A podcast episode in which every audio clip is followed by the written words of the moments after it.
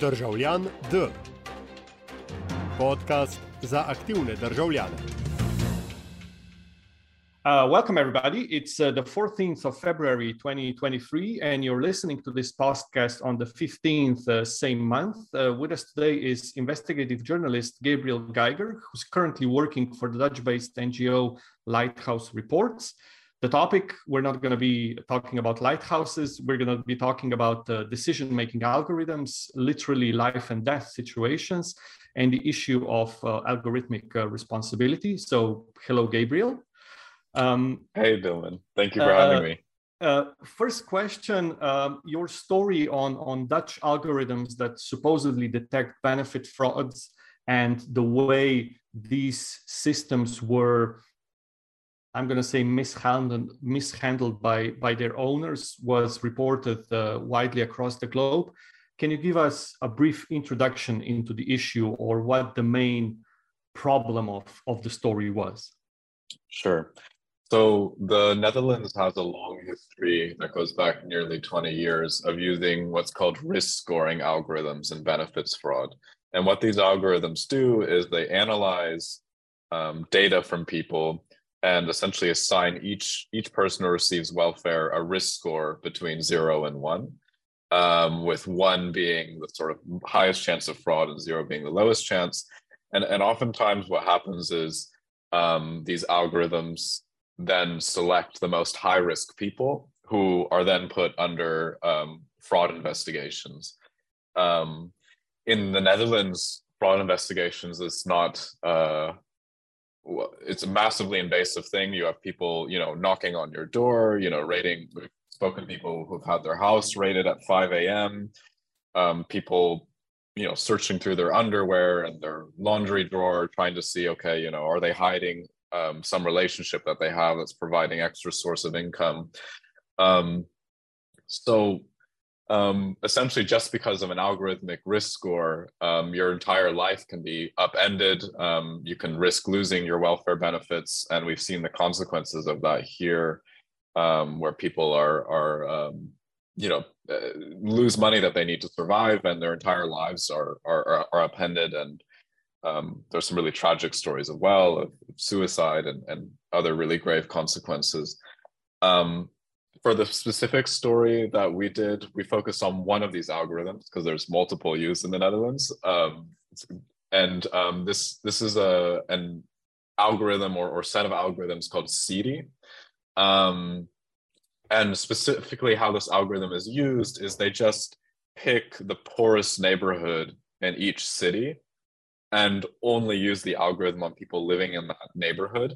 Um, and it tracks everything from your water and electricity consumption to uh, whether you have a, a, civil partner to whether um, uh, whether you had a baby while on welfare um, and and this is used by not just you know the city or one government agency but eight different government agencies who are all exchanging data that is then used as input for the system.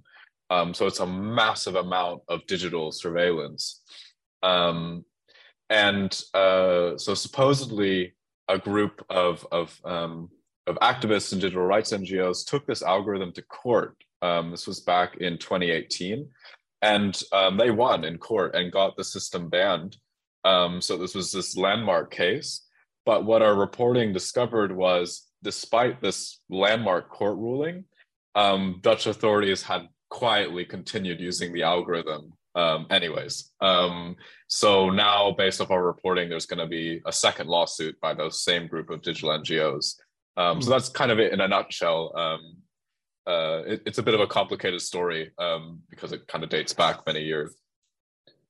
So, so that's that's my next question, right? So we usually talk about these decision-making algorithms and algorithmic systems as, as something new, right? As something that just you know fell out of the sky, like in the in the previous past years.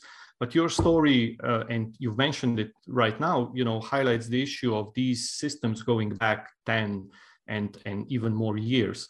So how prevalent are these systems or how how many of these systems are currently like is this is this a is this a dutch specific story or um, uh, would you find similar cases in in other countries going back uh, for uh, for uh, uh, quite some time? Yeah so we've actually so this story came out of a larger project that we've been working on for two years and actually in just two weeks we're going to finally publish it about the use of these algorithms across europe. Um, so we have been researching other countries. Um, typically what we see in places like France or Denmark or Spain is the adoption of these types of systems, these risk scoring algorithms and, and welfare um, around 2013, 12, um, so relatively long ago, you know, more than more than 10 years ago.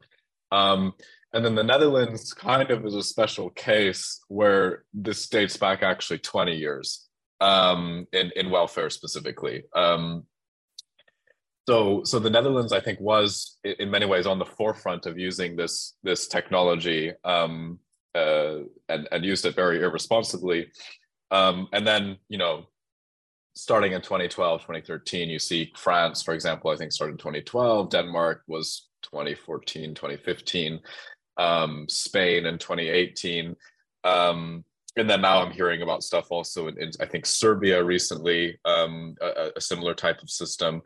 Um, so I guess to answer your question, I mean, there's a long history of using this technology um, in Europe uh, in, in welfare. And then beyond welfare in the United States and, and other places, these same types of algorithms were born in the insurance industry. And that goes back even further. I think that goes back 25 years of using risk scoring and, and statistical analysis in, in one way or another. Mm. And when you're covering uh, these types of stories, when you're when you're writing about them, when you're investigating them, who are the people you usually talk to? Because it seems that you know, because of the opaqueness of the systems, because of you know the black boxes, it's it's to me it's it's really hard to get the people who are in the know so to say or who, who can really tell you something other than you know oh we don't know you know the computer just does its thing and then we just yeah work on that. Yeah it's a good question. I think with uh per, i'm talking about myself personally like my investigative style relies quite heavily on using um, freedom of information laws and public public records laws um, in european countries. So oftentimes i um, am sending requests. One of the most useful things that I've sent requests for is is internal emails um, to see how government officials are talking about these systems, and oftentimes they're actually recognizing that these systems are problematic, but using them anyways. Um, in one case, in the case of one algorithm in the Netherlands, we actually um, just sent a public records request and received the algorithm itself, um, and then reconstructed it online. Um, so that was really interesting because we could see how certain variables were affecting risk scores. So for example living in you know a bad neighborhood quote unquote increase the risk score or having a low low level of education quote unquote increase the risk score. Um, so i use a lot of these requests. I think the other thing that we try to to do is talk to um, lawyers and other grassroots organizations on the ground that help people who are having problems with with welfare benefits because they often have it they might not know it's because of a digital system, but they see something wrong is happening. Why, in, in the case of this last story, um, why does it always seem like um, different government agencies see me as high risk? Why do I keep running into these problems wherever agency I'm going to? And what we, you know, figured out was well because they're exchanging data on you, and uh, one agency sees you as high risk and tells another agency that you're high risk. So then they see you as high risk, and there's some consequences and extra investigations. Um, so, so you know, for this last investigation, that was actually really a starting point. Is people telling us about this feeling that they had that they problems seemed to follow them from agency to agency that they interacted with. Um, I think the last one is officials themselves. We try to cultivate sources within these agencies who are, who are deploying the technology um, but uh, like you said, a lot of people have no idea what even the, their own systems are doing. Um, so it actually takes quite a bit of time to find the person who can actually tell you something useful. Besides, yeah, we've put you know put some data in the computer and something comes out on the other end. Because that's my my follow up question, right? Why are these systems apparently without any checks and balances within these agencies that are that are using them right? So you you've mentioned the story about dutch algorithms bad data being uh, being uh, put uh, put in front or or behind the algorithm and then algorithm making let's say bad choices uh, based on on bad data. Why aren't these you know issues addressed before they they become so problematic as as they were in in in the in the dutch case it's a good question. I think my my kind of cynical answer is that a lot of I don't I think a lot of times they don't actually care that these systems are problematic because the reason they're putting them in place in the first in, in the first place is because they want to reduce welfare budgets. They want to kick people off welfare. And so for them you know if a few people are wrongly kicked off well you know it's saving us some money. Um, I think the second thing is a lot of them are being pitched, you know, these systems from large companies, and um, you know, uh, they have any any way, any competency inside the agency to actually check what if what they're buying is problematic. Um, they just buy it and run it. Um, and and I think that the third thing is is um, because they're well for a lot of long time people didn't actually care. Um, I'm talking about in journalism or or elsewhere as well. I mean, it's relatively recent uh, that that there's been so much attention for this topic. So I think for a long time, um, you could just get away with running a bad system, um, and that's that's what happened in the case of, of the Netherlands, where these technologies have been around for 20 years, but people only started writing about them, you know, four years ago, um, because nobody, maybe not cared is a strong word, but they didn't even know to look. Um, so so yeah i think i think uh, it's great that that uh, you and, and others um, in this space across europe are, are starting to draw attention to this issue. And and i think um, it will make it harder for for public agencies to just deploy something that's problematic without any consequences. Uh, you've mentioned this this um, this role or this uh, yeah role of, of the private sector that's actually producing or, or manufacturing the systems and then the role of, of the government that uh, that uh, uh, buys what uh, what the market is is offering. Do you see a way, or do you see a case here for, let's say, some sort of self-regulatory model that would sort of preemptively resolve these issues before they they so to say hit the hit the shelves or is this yeah first i'm gonna yeah. So the case for for let's say self-regulatory model and and the way that the companies that are producing these solutions can actually preemptively solve you know apparent problems with with them. Yeah it's a good question. I think it's very complicated. Um, part of the issues with private using private companies in the first place in the context of public sector algorithms is because private companies will always own the code um, or they'll want to own the code um, and if it's proprietary in nature, that means that you know me as a journalist, I, I can't you know send in a request to see the code myself. So how does the public have any way of auditing what this private company is delivering?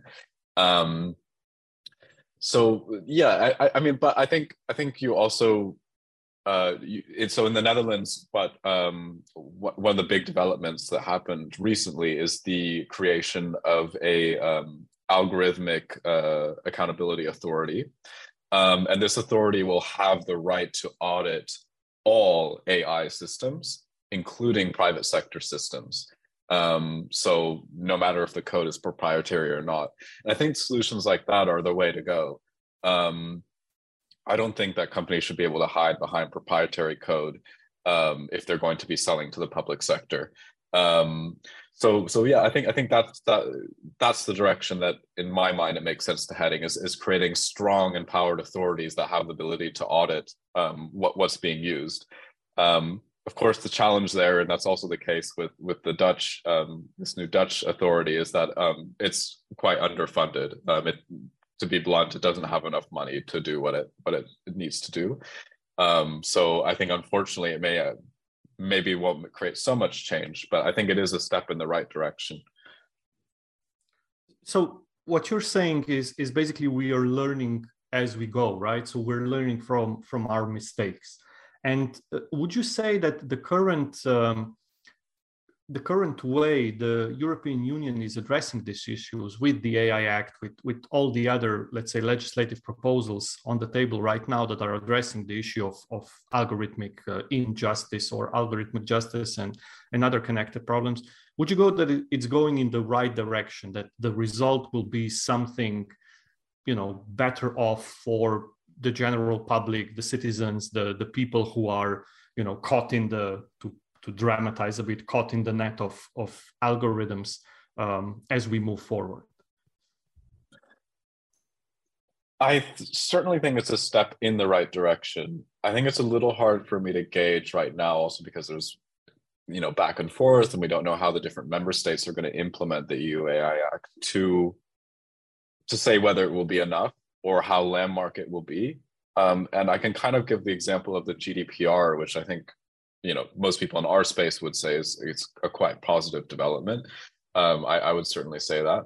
Um, at the same time, I've seen a lot of examples where government agencies just sort of trample over GDPR because they know that the consequences won't be that bad, or the the data protection authority isn't funded well enough to actually, you know, give them hit their hand with the hammer. Um, and and I think a specific example, because you brought up citizens being caught caught in the net, um, would be, and and for maybe listeners who aren't familiar, under the GDPR, um, you have the right to send a request for for your data held by a public agency, um, and you furthermore have an extra right to know if if you are subject to any sort of automated decision making or risk profiling and you have the right to understand what, what in the text is referred to the logic of that automated decision making or risk profiling. And unfortunately, over the course of my reporting, I've had people who have been subject to automated decision making sending in these requests to government agencies, um, and and agencies refusing to comply with these requests or um, you know giving them barely any information and you know what's the next step? Well you go complain to the your your local data protection authority but then a lot of times unfortunately their complaints just kind of get shoved in a desk because you know they don't have enough time or or, or resources to to look at smaller individual claims like that. Um, so so yeah i guess to answer your question overall i think it is a right a step in the right direction. I'm a little bit unsure as of now of how landmark it will be um, but I'm hopeful. Um, I try not to be too cynical about it. And, and, and just to follow up on, on that exact issue, we, we often like um, reflect on, on the role of individual citizens on the Citizen D podcast. And yeah. uh, my, my question is that usually um, usually guests and usually when we follow or investigate these issues there there's a there's a strong emphasis on on the active citizen right? On the on the person who is focused who is determined who has the ability skills knowledge time whatever to sort of you know uh, go down the rabbit hole to to uh, send requests to wait for answers to complain and, and to sort of resolve the issues for themselves right but on the other hand you have these systems that are that are based on you know big data uh, big data collections and they don't really care about i mean that you know the impact of one user changing its own data doesn't reflect on the on the whole of the system right? So do you think the gdpr and and you know other proposed solutions that are putting forward the the, the individual are you know are, are as you've mentioned, good in, in that regard? Or do you think that they're making a problem worse because, you know, officially the regulator can say, oh no, this is all, you know, you have the possibility to complain. If you and, and, and if you don't use it, well, that's on you. On the other hand, you have this big data, as I've mentioned, them collections that are basically, you know, if if you don't change like half or uh, a significant percentage of it, you you really didn't do yeah anything. I think it's a good point. I think I think so. My personal view is that you can only get so far by emphasizing the sort of individual um, route to things, um, and if you don't address it at a more systemic level, um, then yeah, then it's it's hard to to to get anywhere. And and I think to your point, especially in welfare, which is the area I'm most familiar with, I mean these are some of society's most vulnerable people. Um, you know, they're receiving money that they need to survive. Um, you know, especially if you're like a single parent, right? So it could also be for your children. And all of the people we spoke to were incredibly scared to make any sort of request to a government agency to see how their data was processed because they were, you know, it shouldn't happen in theory, but they were, of course, afraid that, well, am I going to send this request and they get pissed off and they suddenly, you know, cut my benefits or something? And sure, as me as a journalist can say, well, no, you know, the request would go to a different department, but I also can't guarantee 100% that nothing will happen. I mean, that would be irresponsible. Um, so so yeah i mean there's a huge power asymmetry here um, and i think even if you so on paper give people the right to rectify their data or see their data or you know object to an automated decision um, are is everyone going to make use of that right you know probably probably not um, and and then i think the second thing to to your point is um, oftentimes these systems are deployed for political reasons. And i think that if you don't address that um, then then there's always going to be problems. So in the case of, of welfare um, the political reason is quite clear. Um, they uh, you know the, the, government wants to kick people off welfare and reduce welfare budgets. Um, and you can say okay well you know the system that you use to do that can't use this type of data whatever it might be like nationality. Um, but all right, well, they won't use nationality, but they'll use the language you speak or some proxy for nationality because that in the end the goal is the same. They want to find a way to kick people off welfare. Um, so if you don't address it at that level as well i also think you know you're kind of playing a fool's errand. So so I, I, to your point I, I agree. I think i think we have to also talk about these things in a systemic level. And of course it's you know people should have their individual rights enshrined in, in law when it comes to fighting these decisions but but that's kind of a limited path. Hmm.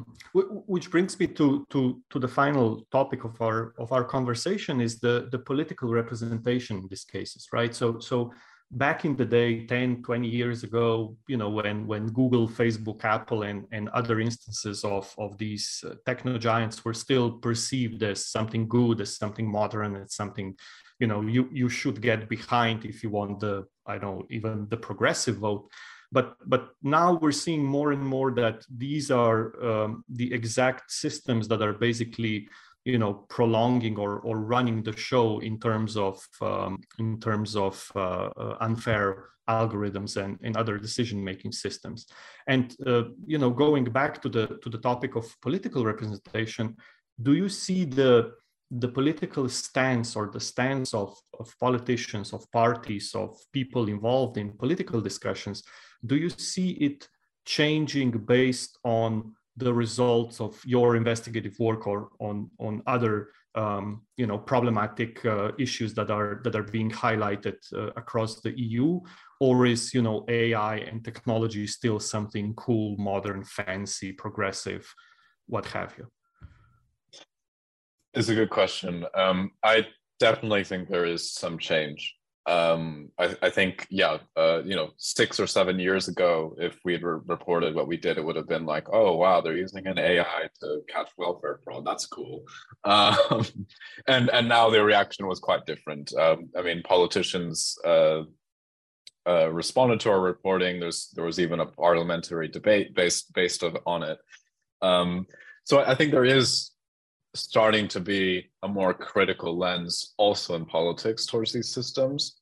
At the same time, there are definitely plenty of politicians who are in the, oh, yeah, all AI is cool and great camp. Um, I think based on my own reporting, I also see a lot of difference between different countries. So in the Netherlands, this is, you know, the third or fourth scandal related to AI that's happened in the past four or five years. Um, so this discussion has changed quite a bit. But when I've done research in, for example, Spain, where you know there hasn't been such such scandals, I see generally a much more positive discussion around AI um, in politics, um, and same in Italy as well, um, which is which is where I'm from. Um, so yeah, it, I think I think that's but that also highlights the importance of, of the work of you you and, and others um, and, and journalists and, and other digital rights things is, is to kind of crack open that discussion Um, and that's one of the things we're trying to do with this reporting is, is to um, encourage newsrooms or, or NGOs that look, they're, you know, similar systems are probably being used in your context. Do like uh, go out and find them. Um, there's probably a really interesting and, and you know, uh, engaging story to tell here.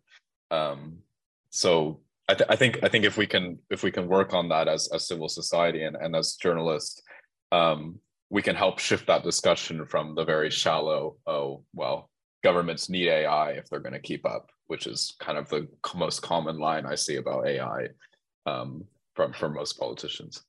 And, and here's a follow up question: Would you consider the journalistic um, the journalistic um, uh, uh, uh, journalists would you consider journalists you know skilled enough or or even being in a position to to sort of independently investigate these issues. Because on one side you have you know google facebook microsoft offering tons of training offering tons of grants to to you know investigative stories that can sort of skew the perception of okay these are the bad guys or these are the good guys.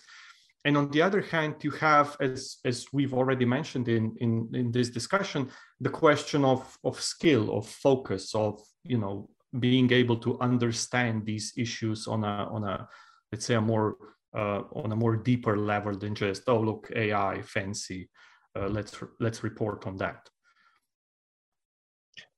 Yeah, um, I, I think I think you point out a good like a salient point. Um, it's also not just in journalism but in academia as well. Um, so you see a lot of like AI ethics positions being funded by Google or Meta.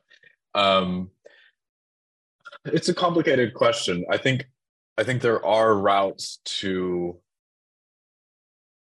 Uh, I think for, for, for example, speaking from Lighthouse Reports, which is a nonprofit and, and gets funding um, from from the nonprofit space, I think I think there is an appetite for maybe not Meta and Microsoft related actors to fund journalism that takes on um, these types of systems.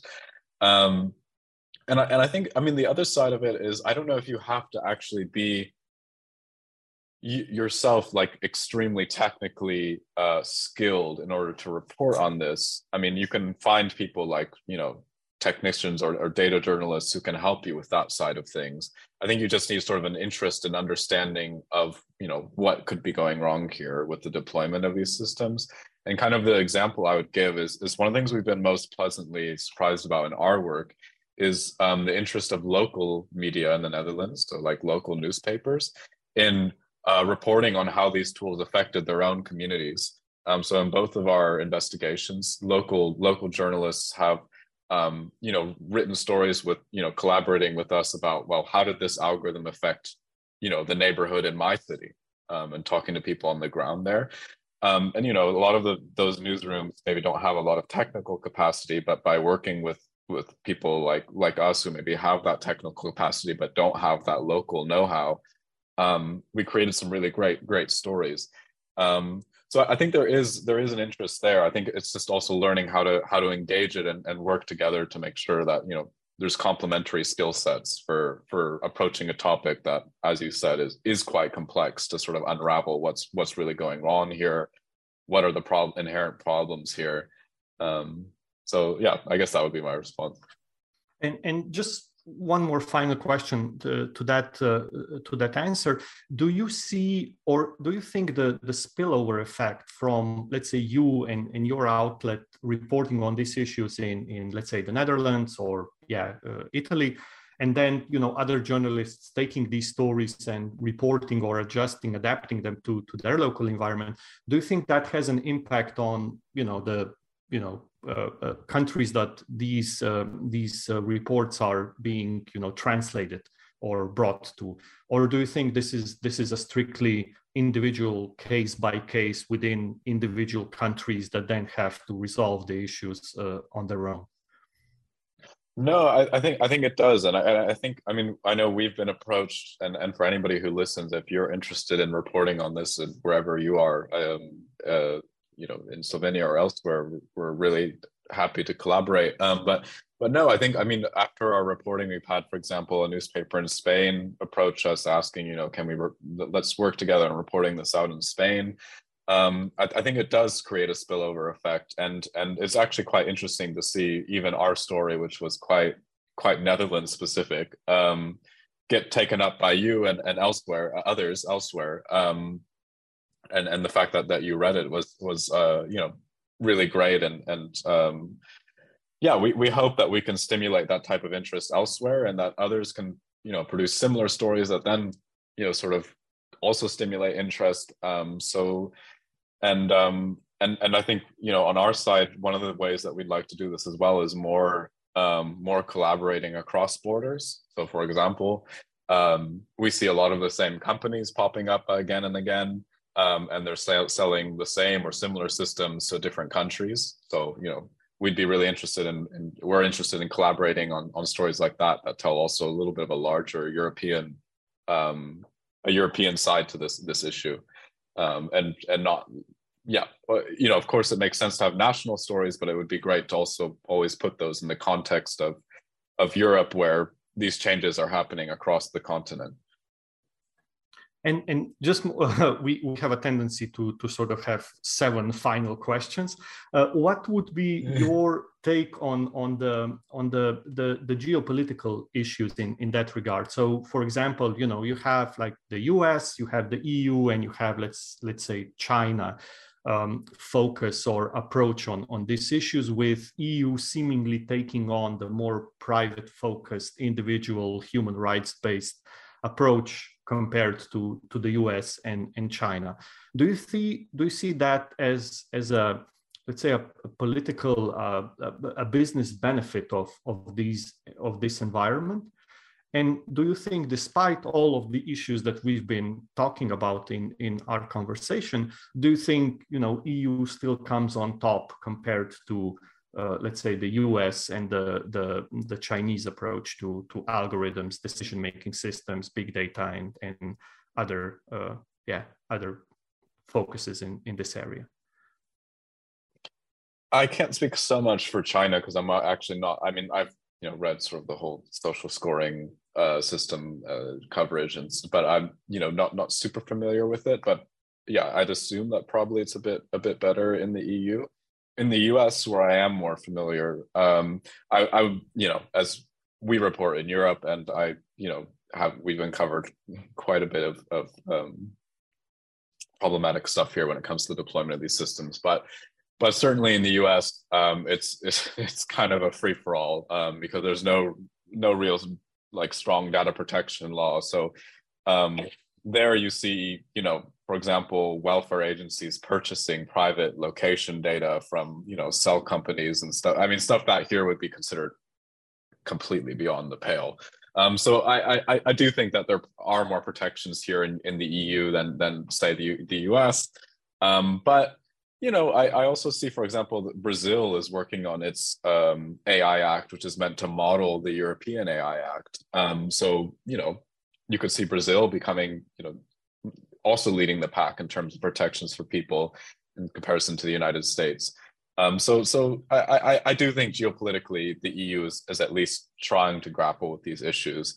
Um, whether it will be enough in the end is, is, is harder to know. Fingers crossed, as they say. Uh, thank you, Gabriel, for, for dropping by, for giving you these insights. Uh, best of luck with, with your future endeavors, and yeah, keep in touch. Thank you so much. Yeah, thanks for having me.